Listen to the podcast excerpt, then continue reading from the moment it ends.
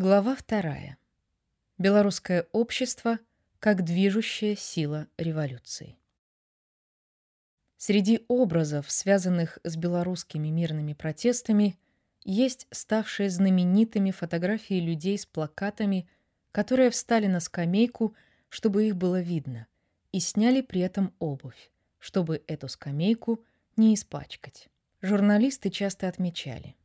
И я также видела это собственными глазами, что на стотысячных маршах их участницы и участники не только не проявляли никаких признаков вандализма, но и старались не ходить по газонам и убирали за собой мусор.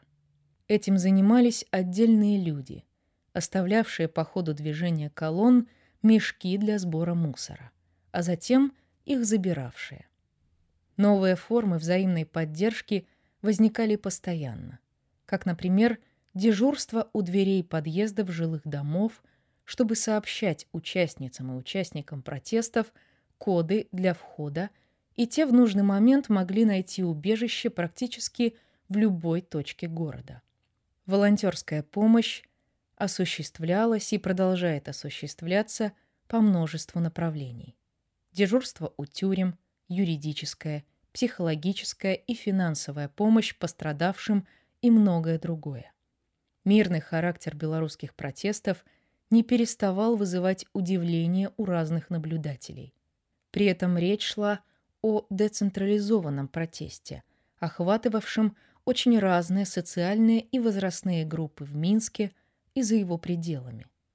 Это значит, что дело было не только и не столько в стратегиях, предложенных сменявшимися лидерками и лидерами нашей революции, и не столько в идеях новой оппозиции, сколько в состоянии самого общества, которому эти стратегии, в частности, объединенного женского штаба, отвечали.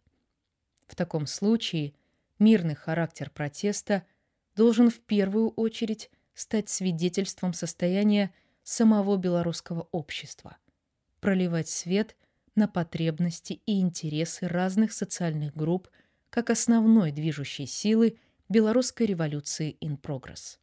Размышляя о ненасильственном сопротивлении, его видный теоретик Джин Шарп еще в 1970-е годы отмечал ошибочность мнения, что насилие является единственным эффективным способом действия в критической конфликтной ситуации. Всю историю в самых разных политических системах по всему земному шару люди стремились разрешить конфликтные ситуации и оспаривали якобы неоспоримую власть, используя самые разные техники борьбы, не все из которых были связаны с разрушением и убийством. Этим средством борьбы Согласно Шарпу, теоретики уделяли слишком мало внимания ввиду концентрации именно на насильственных методах. 40 лет спустя, обобщая опыт мирных выступлений на площадях Тахрир в Каире, Пуэрто-дель-Соль в Мадриде, в парке Гези в Стамбуле, а также движение Оккупи в Нью-Йорке, Джудит Батлер сделает вывод о том, что ненасильственное сопротивление – требует тела, которое появляется, действует и в этом действии пытается создать мир, отличный от того, где тело находится. А это значит, что придется столкнуться с насилием, но не воспроизводить его условия. Согласно американской исследовательнице, речь при этом идет не только о настоящем моменте и настоящем времени, но и о будущем.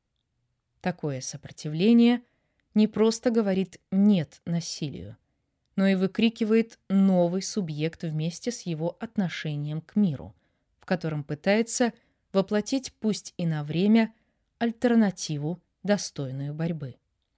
И хотя, как я отмечала в предыдущей главе, государственное насилие и его непринятие со стороны общества во многом послужили решающим фактором активизации белорусского общества, особенно после событий 9 августа, предпосылки протестов выходят за пределы проблемы насилия и отношения к нему.